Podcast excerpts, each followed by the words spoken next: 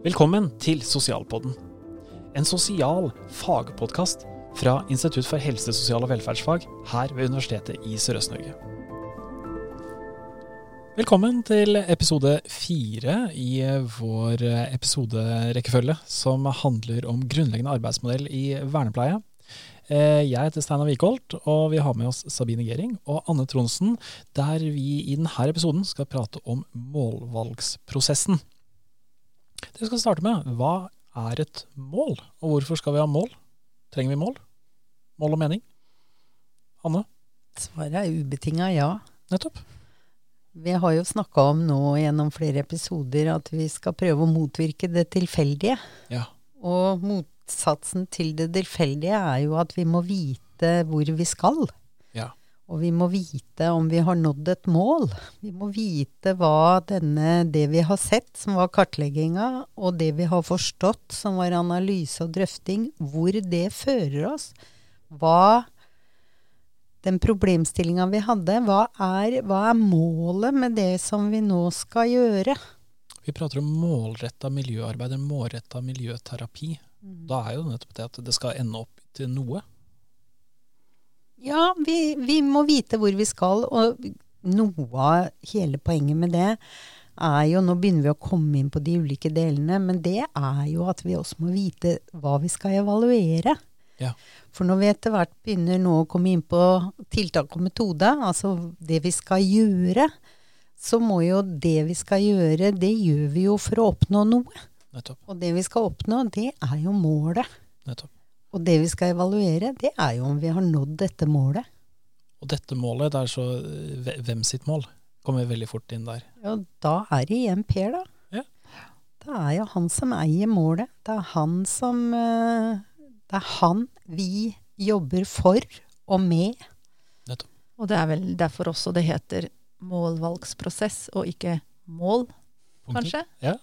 Eh, at fordi at det er en, eh, på en, måte en periode, eller et, arbeid man gjør da, rundt det å finne fram til mål som eh, man ønsker å gå videre med. For det er jo veldig lett tidlig det du hører et, eh, et problem eller utfordring, da, som er starten kanskje på en hel inn i arbeidet eh, man skal gjøre, og, og tenke ja, men jeg har jo allerede noen, noen relativt eh, raske mål vi kan tenke, hva jeg tenker er best for. Eller jeg vet jo med min faglige tyngde at dette er jo et mål for alle mennesker, eller dette er bra. Og så kan kanskje disse målene være eh, hva skal jeg si, veldig ideologiske, kanskje, eller man tenker veldig normative, er kanskje ordet jeg skal, skal innta. Alle, det, det skal også være et mål. Man kan ikke være sint. Per skal ikke være sint.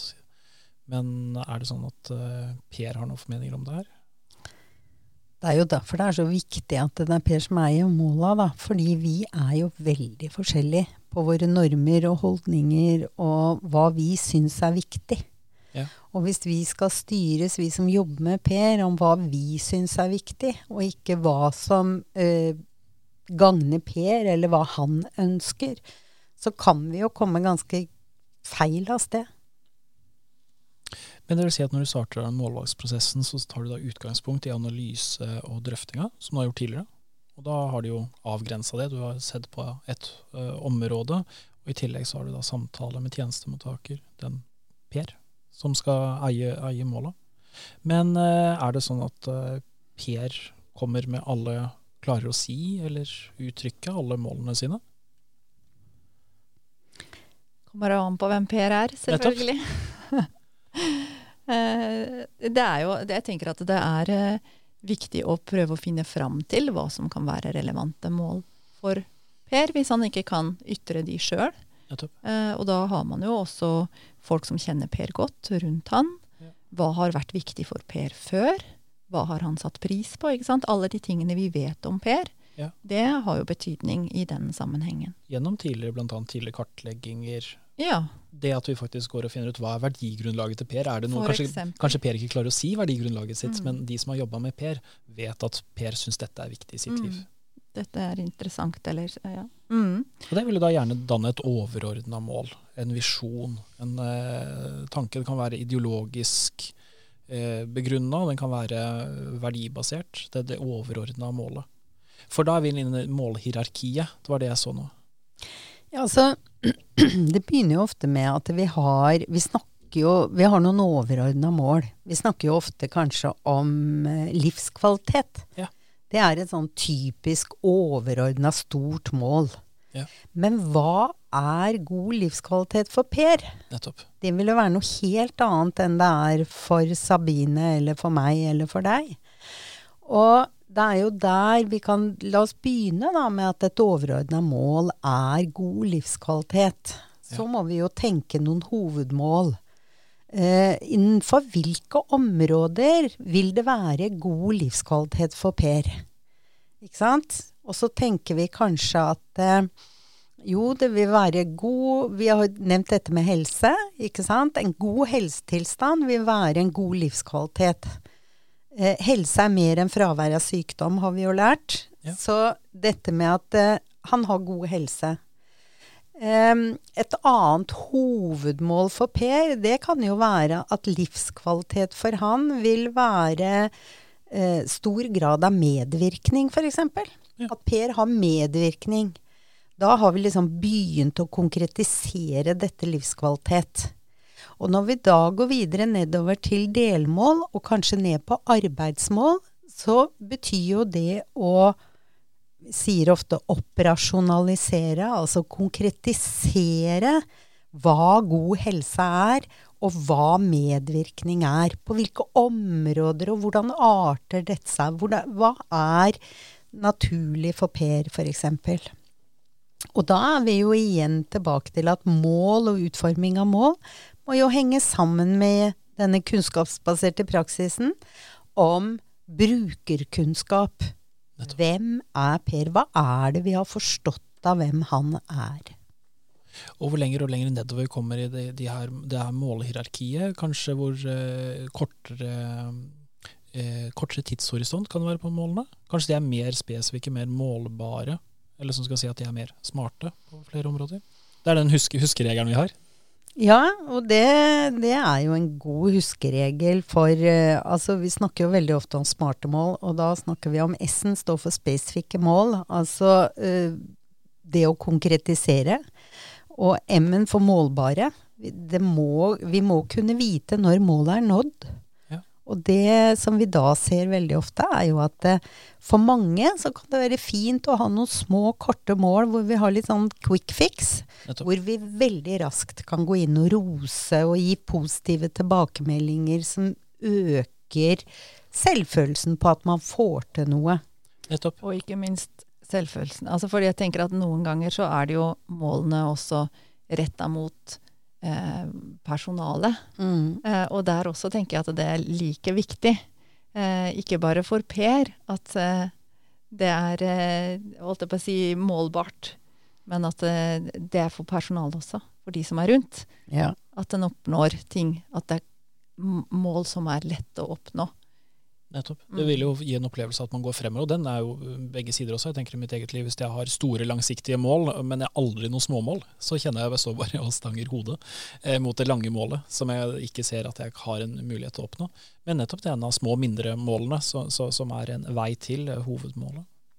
Og vi vet jo at mange av de eh, som vernepleiere primært jobber med, da, kan ha store utfordringer.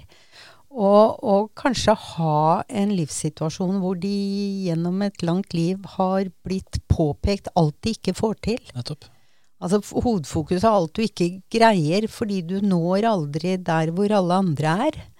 Så det å lage mål da, som er målbare, og vi snakker jo også om dette med ansporene, som er et litt vanskelig ord, men som jo handler om inspirasjon. Altså det må være lystbetont å jobbe med dette målet. Ja.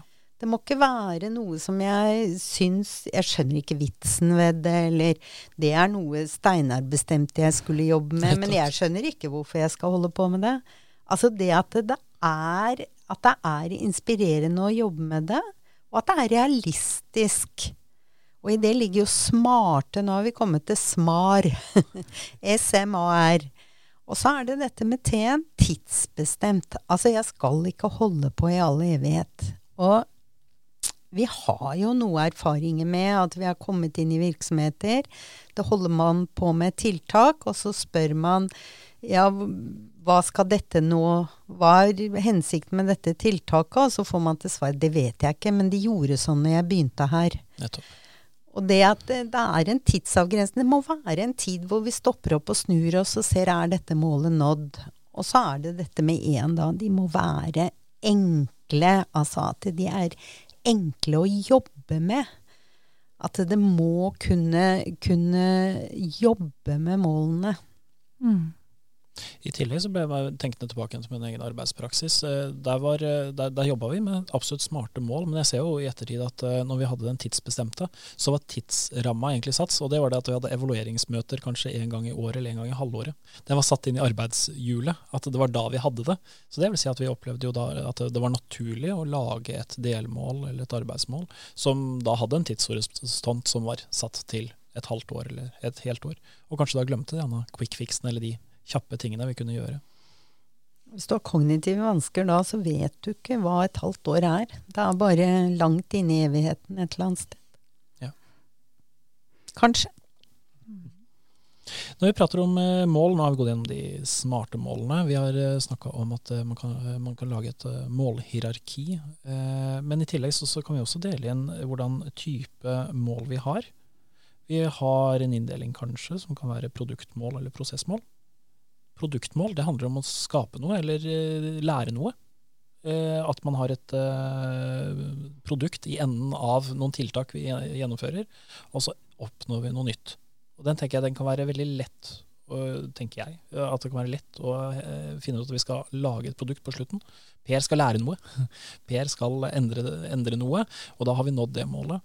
Men i tillegg så har vi en annen kategori som handler om prosessmål, der man har fokus nettopp på prosessen. Hadde du et eksempel på hva et prosessmål kunne være?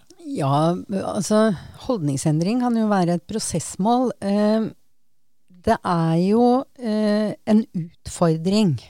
Velger å kalle det en utfordring. Dette med at man alltid skal inn og trene på noe. Jobbe med noe.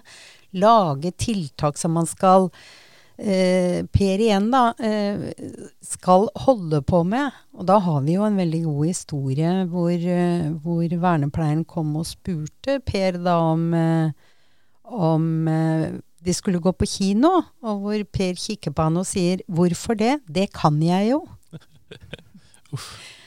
Og det er et sånt eksempel på at man rett og slett læres opp til at man hele tida skal øve på noe man ikke kan, og så glemmer vi prosessen med å gå på kino da, og bruke dette du har lært inn i en naturlig sammenheng. Så vi må ikke bli sånn at det alltid er et problem. Det er alltid noe vi skal jobbe med, hvis vi samtidig ikke opprettholder det som er lystbetont for Per. Og derfor så er det jo ofte at eh, istedenfor å kartlegge alt som er problemer, så kan det jo være veldig fint når vi starter med kartlegging og ser det i sammenheng med mål, at vi begynner å kartlegge det folk faktisk får til. Hva er du god på? Hva er det du, hva er det du kan? Og at det er utgangspunktet også for å sette opp f.eks. prosessmål, da, og gjøre mer av det du faktisk kan, istedenfor hele tiden å skulle tilegne deg ny kunnskap. Det var en fin forklaring, Anne. Nå blei jeg litt klokere. eh, tusen takk for det. Eh, da runder vi av denne episoden på målvalgsprosessen. Og etter det skal vi prate om eh, tiltak. Da har vi kommet til tiltak, Steinar. Da har vi kommet til tiltak.